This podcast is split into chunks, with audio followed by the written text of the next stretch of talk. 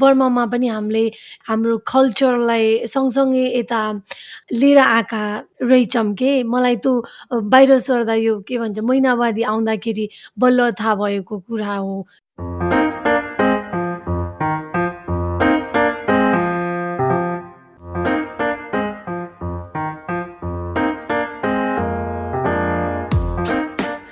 Welcome to Period Kakura from Priyanka and Srishti.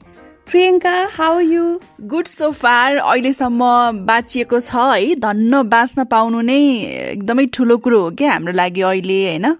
तर अलिकति मानसिक रूपमा चाहिँ तनाव भन्ने कायमै छ। अनि तपाईँको कस्तो छ? कसरी बिताइराख्नु भएको छ यो लकडाउनको समय तपाईँ घरमा? हामीले अस्तिको एपिसोड गराएको थियो नि मेन्टल हेल्थको त्यही अनुसार यसो रुटिन बनाउने ट्राई गरे है। गाह्रै छ। बट स्टिल काम भइरहेको छ यसो आफ्नो हबिजहरू पनि पुरा गर्दै अलिअलि एक्सर्साइज पनि गर्दै ठिकै छ। मैले एउटा रुटिन नयाँ सुरु गरेको छु होइन? एक हप्ता भयो एभ्री डे एटलिस्ट वर्कआउट गर्न थालेको छु कि? वान आवर जस्तो चाहिँ। म त कहिले पनि त्यो वर्कआउट नगर्ने मान्छे है अनि तर कस्तो एकम्प्लिस्ड फिल हुँदो कुकुर क्या? कस्तो मजाले फ्लोमा भनिरहेको छु। हाम्रो पडकास्टको रे रेकर्डिङ गर्ने भन्यो कि कुकुर भुक्न सुरु हुन्छ? एक्चुली हाम्रो पडकास्टमा सृष्टिदी र म मात्रै छैनौँ होइन? त्यसमा मेरो घरको कुकुर छ सृष्टिदीको कुकुर छ अनि मेरो टोलको कुकुरहरू पनि छन्। अनि कहिलेकाहीँ मेरो भदैनीको पल्लो कोठामा रोको आवाज पनि सुनिन्छ है। के गर्ने? ओके ल अब चाहिँ हामी हाम्रै आजको एपिसोडतिर लागौँ है। हामी सधैँ चाहिँ प्राय नेपालकै धेरै ठाउँको महिनावारीका विषय र कथाहरू ल्याउँछौँ यहीँको क्यारेक्टर्सहरू ल्याउँछौँ। तर आज चाहिँ we want to try something new त्यही भएर we are taking you to Myanmar जसलाई बर्मा पनि भनिन्छ। हामी सबैलाई थाहा छ बर्मामा ठुलो सङ्ख्यामा नेपाली समुदायको बसोबास छ भनेर। त्यो पनि करिब तिन लाख जस्तो सङ्ख्यामा। नेपाली समुदाय बसोबास गर्दै आउनुभएको छ। अनि नेपाली समुदायले यहाँको जस्तै चाडबाड रीतिरिवाज तथा चालचलनहरू चाहिँ मान्दै आउनु भएको छ बर्मामा चाहिँ महिनावारीलाई कसरी लिइन्छ त? के त्यहाँ पनि महिनावारी बार्ने चलन छ नेपालको जस्तै? Let's find out more from Burma itself आजको लागि चाहिँ I'm so excited to hear our guest today आजको हाम्रो एपिसोडमा आउनुभएको छ म्यानमारका चिर परिचित महिला अधिकार कर्मी पडकास्टर पनि हुनुहुन्छ उहाँ र साथै BBC hundred women from twenty twenty आउनुहोस् नन्दरजीसँग कुरा गरौँ hello Nandarji welcome to our podcast पिरियडका कुरा how are you Thank you for having me, both Priyanka and Srishti. Um, I'm okay. Uh, I've been outside of Myanmar for some time now, so I'm feeling a bit better to talk and have dialogues about the issue that I care about. So I appreciate you having me on this podcast. How are you guys? Uh, so far we are fine. So as you know अहिलेको situation नै त्यस्तै छ है। गाह्रो छ। हामी second वेभमा छौँ नेपालमा चाहिँ। त्योभन्दा अगाडि चाहिँ अलिकति मलाई म्यानमारको बारेमा सोध्नु मन लागेको थियो कि कस्तो छ अहिले म्यानमारको situation especially after this military coup होइन? हामीले चाहिँ न्युजहरूमा कति हेरिरहेछौँ पढिरहेछौँ। सो तपाईँ त्यही जब हुनुहुन्थ्यो कस्तो थियो सिचुएसन अलिकति सेयर गरिदिनु न? अँ डेफिनेटली अब सबैलाई थाहा भए जस्तै फेब्रुअरी फर्स्टबाट मिलिट्री खुले हाम्रो देशलाई टुक ओभर गरौँ। एक दुई हप्ता पछाडि भाइलेन्ट हुन थाल्यो। एकदम जनताहरूलाई अरेस्ट गरेर खेल गरेर अब्डक्टेड गरेर लिएर गएको धेरै केसहरू भइसक्यो। अहिले मारेको मान्छेहरू नै एक हजार जतिमा आइपुगिसकेको छ अनि जेल हारेको मान्छे त पाँच हजार नेरी आइपुगिसकेको छ। अनि यस्तो अन्यायहरू धेरै माथि बढेर गएको छ तर पनि बर्माका जनताहरूले गिभअप गरेको छैनन्। यो मिलिट्रीलाई हामीलाई चाहिँदैन यो देशमा हामीलाई डेमोक्रेसी चाहिन्छ भन्ने कुरालाई एकदम ठुलो आवाजले अनि विश्वासले अगाडि लिएर गएको देखेछ अहिलेसम्म। त्यही त हामीले न्युजहरूमा हेरिरहेछौँ है। सो होपफुली अब we never know kaile but uh, maybe democracy will be restored soon and we just hope for that. त्यही त। Thank you so much Nandarji for your time खासमा अहिले यस्तो सिचुएसनमा पनि होइन? तपाईँले हामीलाई टाइम दिएर चाहिँ पिरियडका कुरामा कुरा गर्न आउनुभएको छ होइन? हामी एकदमै we very thankful of course thank you मलाई कस्तो लाग्छ भने चाहिँ गाह्रो समयमा चाहिँ यस्तो सोसियल इस्युहरूमा स्पटलाइट दिन र अगाडि गएर बोलिराख्न पनि जरुरी छ भनेर त्यही भएर है यो बोल्नलाई मलाई सजिलो लागिराखेको छ अझै पनि। अनि प्रियङ्का र सृष्टिले गरेको कामहरूलाई पनि मलाई एकदम गर्व लाग्छ। किनभने चाहिँ यो पिरियडका कुरा भनेको चाहिँ हामी सबै सबै देश देशमा विश्वमा सबैले बोलिराख्न पर्ने कुरा जस्तो पनि लाग्छ मलाई। हजुर। हामीले खासमा यही भएर पनि स्टार्ट गरेको हो होइन? हामीले स्टार्ट गरेको चाहिँ ट्वेन्टी ट्वेन्टीमा हो सेप्टेम्बरमा। धेरै पनि भएको छैन। त्यति बेला पहिलो लकडाउन को लगत्तै हामीले सुरु गऱ्यौँ अहिले हामी दोस्रो लकडाउनमा छौँ है। हामीले पडकास्ट सुरु गर्दा चाहिँ हामीले आफ्नै एक्सपिरियन्सबाट सुरु गरेका थियौँ कि। हाम्रो पहिलो महिनावारी कस्तो रह्यो त्यसरी हामीले सुरु गरेका थियौँ। त्यही भएर यो प यो आजको एपिसोडको सुरुमा पनि त्यही सोध्न चाहन्छु कि तपाईँको पहिलो महिनावारी अनुभव चाहिँ कस्तो रह्यो? तपाईँ म्यानमारमै हुनुहुन्थ्यो होला। कुन उमेरमा?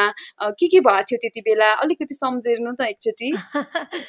म म चाहिँ बर्मामा जन्मेको नेपाली भएको कारणले हाम्रो बर्मामा पनि हामीले नेपालमा जे जे गर्छौँ अर्कै तरिकाले बर्मामा पनि हामीले हाम्रो कल्चरलाई सँगसँगै यता लिएर आएका रहेछौँ के? मलाई त बाहिर सर्दा यो के भन्छ महिनावादी आउँदाखेरि बल्ल थाहा भएको कुरा हो। त्यहाँ पनि बाहिर सर्छ नै भन्ने हो।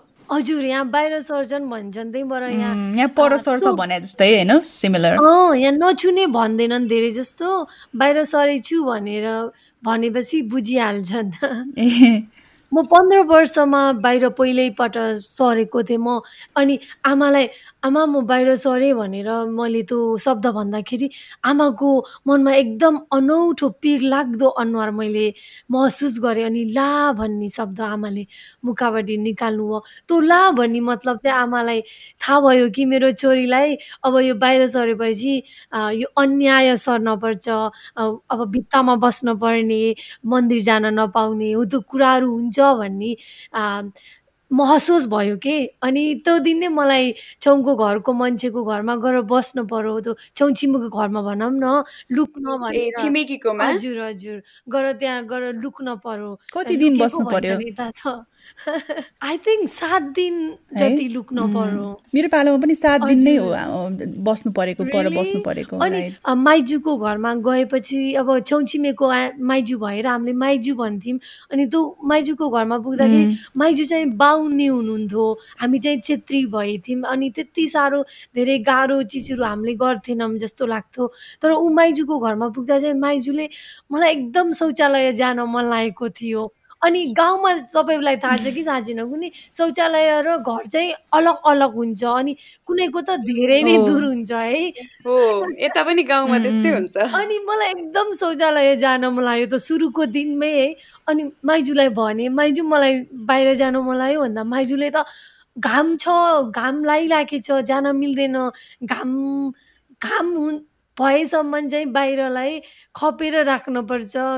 घाम देउता हो कि के हो भन्नुभयो र म त कस्तो डर लाग्यो एकछिनसम्म त। खप्न पनि कोसिस गरेँ यु नो गाइस अनि म सकिनँ एक दुई घन्टापछि त मलाई एकदम सुसु आउन मन लागिसक्यो अनि म त जेसुकै होस् जान्छु भन्दा माइजूले दया गर्नु र मलाई छाता ओढेर लानु भयो। घाम नहेरिकन होइन? त्यस्तो अहिले अहिले चाहिँ हाँस उठ्छ तर त्यति बेलाको हामीले इमेजिन गर्न सक्छौँ। कति गाह्रो भएको थियो होला भनेर त्यही त एकदम गाह्रो र अनौठो के? ला मेरो शरीरमा भएको चिज त नराम्रो र यस्तो पाप जस्तो चिज हो भन्ने। सिकाइदिए जस्तो भयो के? त्यही त। नेपालमा पनि कति धेरै जस्तो महिला दिदी बहिनीहरूले आफ्नो यही कुरा भन्नुहुन्छ कि? यो जुन घाम नदेख्नु पर्ने होइन? अनि दिनभरि दिशा र पिसाबै रोकेर राख्दाखेरि त्यो मानसिक रूपमा सँगसँगै शारीरिक स्वास्थ्यमा पनि कति धेरै असर गर्छ नि त त्यसले होइन?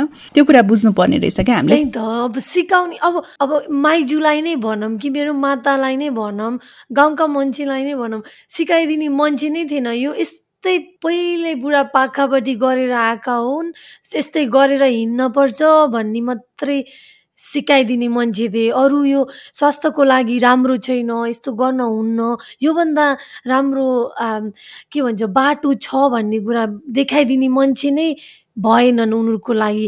हो नि एक्ज्याक्टली अनि तपाईँको कुरा सुनेपछि बर्मामा पनि महिनावारी सम्बन्धी चाहिँ अझै पनि भेदभाव गर्ने होइन? अनि हानिकारक भनौँ न मूल्य मान्यतालाई चाहिँ अझै पनि मान्दै आइएको रहेछ नि त? भन्ने कुरा बुझौँ हामीले होइन? यो बेलामा चाहिँ अहिले बर्मामा यस्ता कुराहरू अब तपाईँ आफू टिनेज हुँदा र अहिले आएर हेर्दाखेरि परिवर्तन भइरहेको देख्नुहुन्छ कि देख्नुहुन्न? एज अ होल सोसाइटी भनेर हेर्ने भने चाहिँ इम्प्रुभमेन्टहरू धेरै देखे चाहिँ कस्तो भनेपछि बर्मामा अलिकति फरक भएको कुरा मैले एउटा पोइन्ट आउट गर्न चाहन्छु कि यो चाहिँ एक बुद्धिस्ट कन्ट्री भएको कारणले गर्दाखेरि at least that's what we claim to be a Buddhist country त्यस्तो हुँदाखेरि हाम्रो बाहिर सर्दाखेरि बार्नी चाहिँ हाम्रो नेपालीहरूको मात्रै प्रडोमिनेन्टली भएको देखिन्छ। अरू जातीयको चाहिँ भगवान थान मात्रै छुन्न दिनन् I remember like in two thousand twenty or nineteen I ran a campaign call menstruation is not shameful त्यतिखेर कति मान्छेले मलाई यस्तो कुराहरू अगाडि निकालेर आए। हाम्रो हाम्रो जातीयमा त यस्तो छैन। हामी बर्मामा बस्छौँ तिमीहरूको जातीय नै यस्तो गर्छन् भन्ने कुराहरू पनि यस्तो से लाइक क्रिटिसिजम कि हाम्रो जातीयलाई नै क्वेसनहरू पनि आएको थियो। बिस्तारै ग्रेजुअली होइन चेन्ज पनि भइरहेको छ। त्यहाँ चाहिँ खासमा बर्माको जुन नेपाली समुदाय हुनुहुन्छ नि उहाँहरूले चाहिँ कसरी लिनुहुन्छ यो कुरालाई? कि उहाँहरूले चाहिँ अब जस्तै धर्मको कुरा त भएन किनभने बुद्धिस्ट कन्ट्री भएको कारणले उहाँहरूले चाहिँ कल्चरसँग जोड्नुहुन्छ धेरै महिनावारीलाई। त्यस्तै भन्नुपर्छ। अब के हुन्छ भने चाहिँ यो सबै विदेशमा भएका नेपालीहरूलाई हुने चिज जस्तो मलाई लाग्छ है। किनभने आफू अब हामी नेपालभित्र भएर चाहिँ अलि केयरलेस हुन पाउँथ्यौँ जस्तो लाग्थ्यो होला। हामीले नगरे नि अरूले गर्छन् र यो कल्चर प्रिजर्भ हुन्छ भन्ने प्रेसर अफ हुन्थ्यो होला है। तर हामी चाहिँ अहिले बर्मा भन्ने कन्ट्रीमा नेपाली भन्ने एउटा कम्युनिटी क्रिएट गर्न कोसिस गरेका एउटा जातीय हो। हो त्यो जातीय हुँदाखेरिले हाम्रो यो सानो सानो कुरालाई गर्न छोडिदियो भने हाम्रो संस्कृति नै हराउँछ हाम्रो संस्कार नै हराउँछ भन्ने एकदम डरबाट आएको कुरा हो जस्तो मलाई लाग्छ। त्यही भएर यो कुरा अगाडि बढाउन खोज्दा यो यो यो हार्मफुल कल्चरलाई हटाउन खोज्न कोसिस गर्ने म जस्तो मान्छेलाई कहिले कहिले एकदम गाह्रो हुन्छ कि हामीले संस्कृतलाई संस्कारलाई हटाउन खोजेका होइनौँ। यो नराम्रो प्र्याक्टिस यो नराम्रो हार्मफुल कल्चर छोरी मान्छेहरूलाई टार्गेट गरेर तल झार्ने यो कल्चरलाई हामीले हटाउन खोजेका हौँ। त्यही त। जस्तै अब संस्कार संस्कृतिको विरुद्धमा त हामी जाने नै होइन। हामीले हाम्रो संस्कारलाई त अब जगेर्ना गर्नै पर्छ होइन? तर त्यो संस्कारले यदि एउटा व्यक्तिलाई व्यक्ति विशेष होइन जात लिङ्गलाई चाहिँ त्यसले असर पुर्याउँछ भने होइन त्यसलाई चाहिँ हामीले त्यसबारेमा पक्कै सोच्नुपर्छ होला। अब तपाईँले यति धेरै काम गरिराख्नु भएको छ बर्मामा होइन as a feminist as a activist आफू विभिन्न विषयहरूमा बोलिराख्नु भएको हुन्छ होइन अनि तपाईँको काम देख्दाखेरि साँच्चै नै वी आर भेरी प्राउड हामीलाई एकदमै गर्व लाग्छ तपाईँको आफ्नो तपाईँले गरिराख्नु भएको कामहरू यसो सोसियल मिडियामा हेर्दाखेरि पनि होइन। अनि यति धेरै काम गरिरहँदाखेरि पक्कै पनि अब कति चुनौतीहरू आउला नि त होइन। तपाईँले त्यो मानिसहरूलाई बुझाउनको लागि क्या तपाईँ किन गर्दैछु त यो काम भनेर बुझाउनको लागि चाहिँ कस्तो कस्तो चुनौतीहरूको सामना गर्नुपर्छ अनि त्यसलाई चाहिँ कसरी प्रतिकार गर्नुहुन्छ तपाईँ? यो च्यालेन्जहरूको बारेमा म सोचेँ भने चाहिँ मलाई टाउकामा नम्बर एक आउने चाहिँ मेरो फ्यामिली नै हो।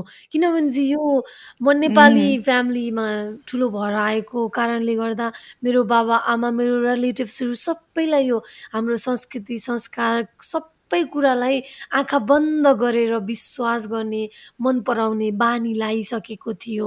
म एक्लै त्यो ह्युमन राइटको कुरामा बगबगाउँदै बस्दाखेरि उनीहरूलाई एकदम नराम्रो लाग्थ्यो र म भएपछि अब नन्दुले हाम्रो हाम्रो संस्कारको संस्कृतिको बारेमा नराम्रो कुरा निकालेर छोड्छिन्। यो अब डर लागेर बसिरहेको थियो। त्यस्तो कारणले गर्दा मलाई फ्यामिलीको छेउछेउमा बस्नै गाह्रो लागिसकेको एउटा अवस्थामा पनि म पुगेको थिएँ। किनभने मैले जे भने नि जे भने पनि उनीहरूको विरुद्ध भन्छ होला नि एगेन्स्ट देम भन्ने जस्तो लाग्थ्यो।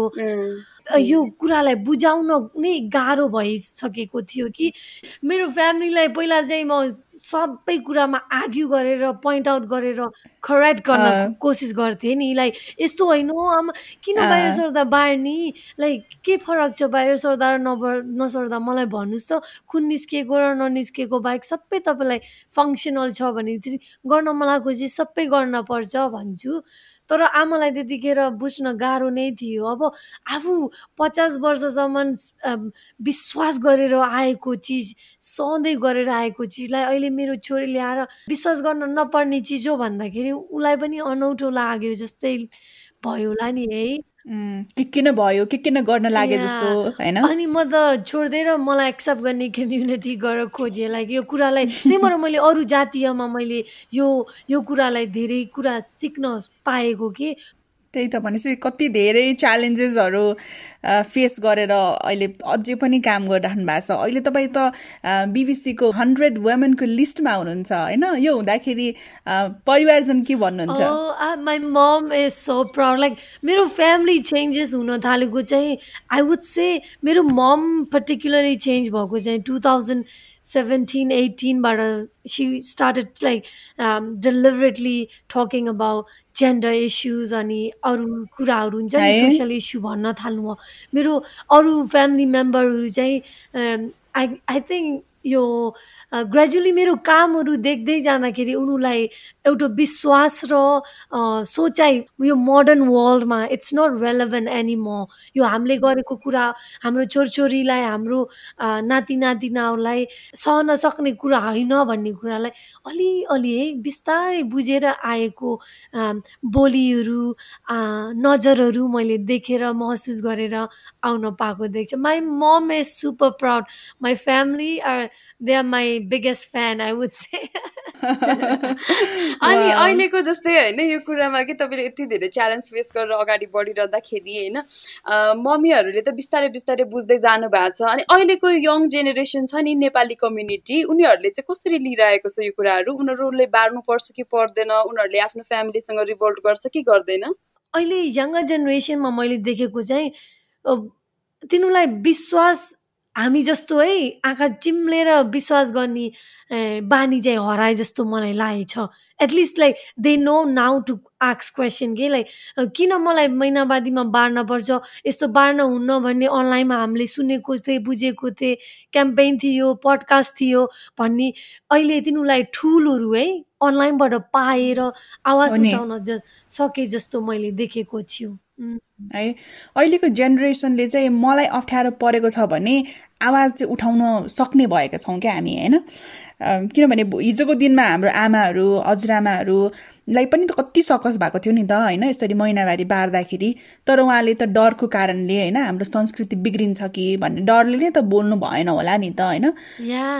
मलाई चाहिँ त्यस्तो लाग्छ कि। समय नै अर्कै अर्कै भयो। अनि अर्को राम्रो कुरा हो भने चाहिँ हाम्रो चाहिँ सोसियल मिडियाले गरिदिएको एउटा न्याय जस्तो पनि भने हुन्छ है। हामी अहिले बर्मामा बसेर नेपालमा भएको न्याय अन्याय हामीले बुझ्न पाइन्छ। अरू देशमा भएको कु कुराहरू थाहा पाउँदाखेरि हामीलाई एम्पावरमेन्ट एउटा आउँछ कि अँ मेरो दिदी बहिनी उसले यस्तो गर्न हुन्न भनेर यो देशमा यस्तो डिस्कसन हुँदैछ। म पनि यो कुरालाई बुझ्न कोसिस गर्छु भन्ने आँखा खोल्ने मनहरू धेरै आउँदो रहेछ है। है? कस्तो मजाले सबै कुराहरू भन्नुभयो। यो कुरा नसकियोस् जस्तो लागिरहेको छ एकदम सुनिरहेको बिचमा त्यो रोक्नै मन नलागेको क्या। त्यो मिठो बोलेको भएर साँच्चै नै कस्तो मजाले आफ्नो कुराहरू राख्नुभयो होइन।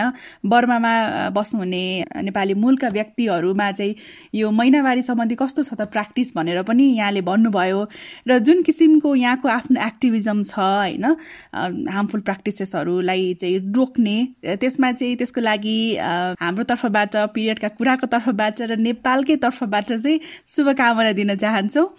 अनि आशा गर्छौँ अब बर्माको अहिलेको राजनीतिक सिचुएसन चाहिँ मिलेर जानेछ र चाँडै नै हामी बर्मा र नेपाल भएर चाहिँ कुरा गर्न पाउनेछौँ। एकदमै पिसफुल इन्भाइरोमेन्टमा कुरा गर्न पाऊँ चाँडै है। अनि we wish you all the best तपाईँले जे जे गरिरहनु भएको छ आफ्नो भोइस रेज गरिरहनु भएको छ पडकास्टको थ्रुबाट अनि अरू अरू क्याम्पेन्सहरूको थ्रुबाट एक्टिभिजम गरिरहनु भएको छ। त्यसको लागि good luck please keep up this good work भन्न चाहन्छु। Thank you both Priyanka and Srishti अनि मलाई लास्टली एउटा कुरा भन्न मन लाग्यो कि यो पिरियडको कुरा गर्दाखेरि हामी है छोरी मान्छेहरूको बिचमा मात्रै रोकिएर हुन्न यो पिरियडको कुराले छोरा मान्छेहरूलाई पनि धेरै अन्यायहरू आएको छ। त्यही भएर छोरा मान्छेहरूले पनि पिरियडका कुरामा चासो लिनपर्छ र घुसेर क्वेसनहरू गर्नपर्छ अनि योलाई रोक्नको लागि आवाज उठाउनपर्छ भन्ने मेरो एकदम होप छ कि यस्तो गर्नमा participate mom and will participate भन्ने। अनि thank you both for having me and like मलाई एकदम नेपाल भनेको मेरो I feel like my first home जस्तो लाग्छ बर्मा भन्दा पनि। त्यही भएर नेपालमा भएका दिदी बहिनी दाजुभाइसँग बोल्न पाउँदा मलाई एकदम आफ्नै घरको मान्छेसँग बोल्न पाए जस्तै हुन्छ सो हामीलाई पनि एकदमै आफ्नै देशको दिदी बहिनीसँग आफ्नो दिदी भनौँ कि बहिनी भनौँ दिदी नै भन्छु ल। दिदीसँग कुरा गरे जस्तै भयो मलाई चाहिँ होइन। साँच्चै आफ्नो कुरा राखिदिनु भयो समय दिनुभयो होइन। हामी अत्यन्तै आभारी छौँ। Thank you thank you so much thank you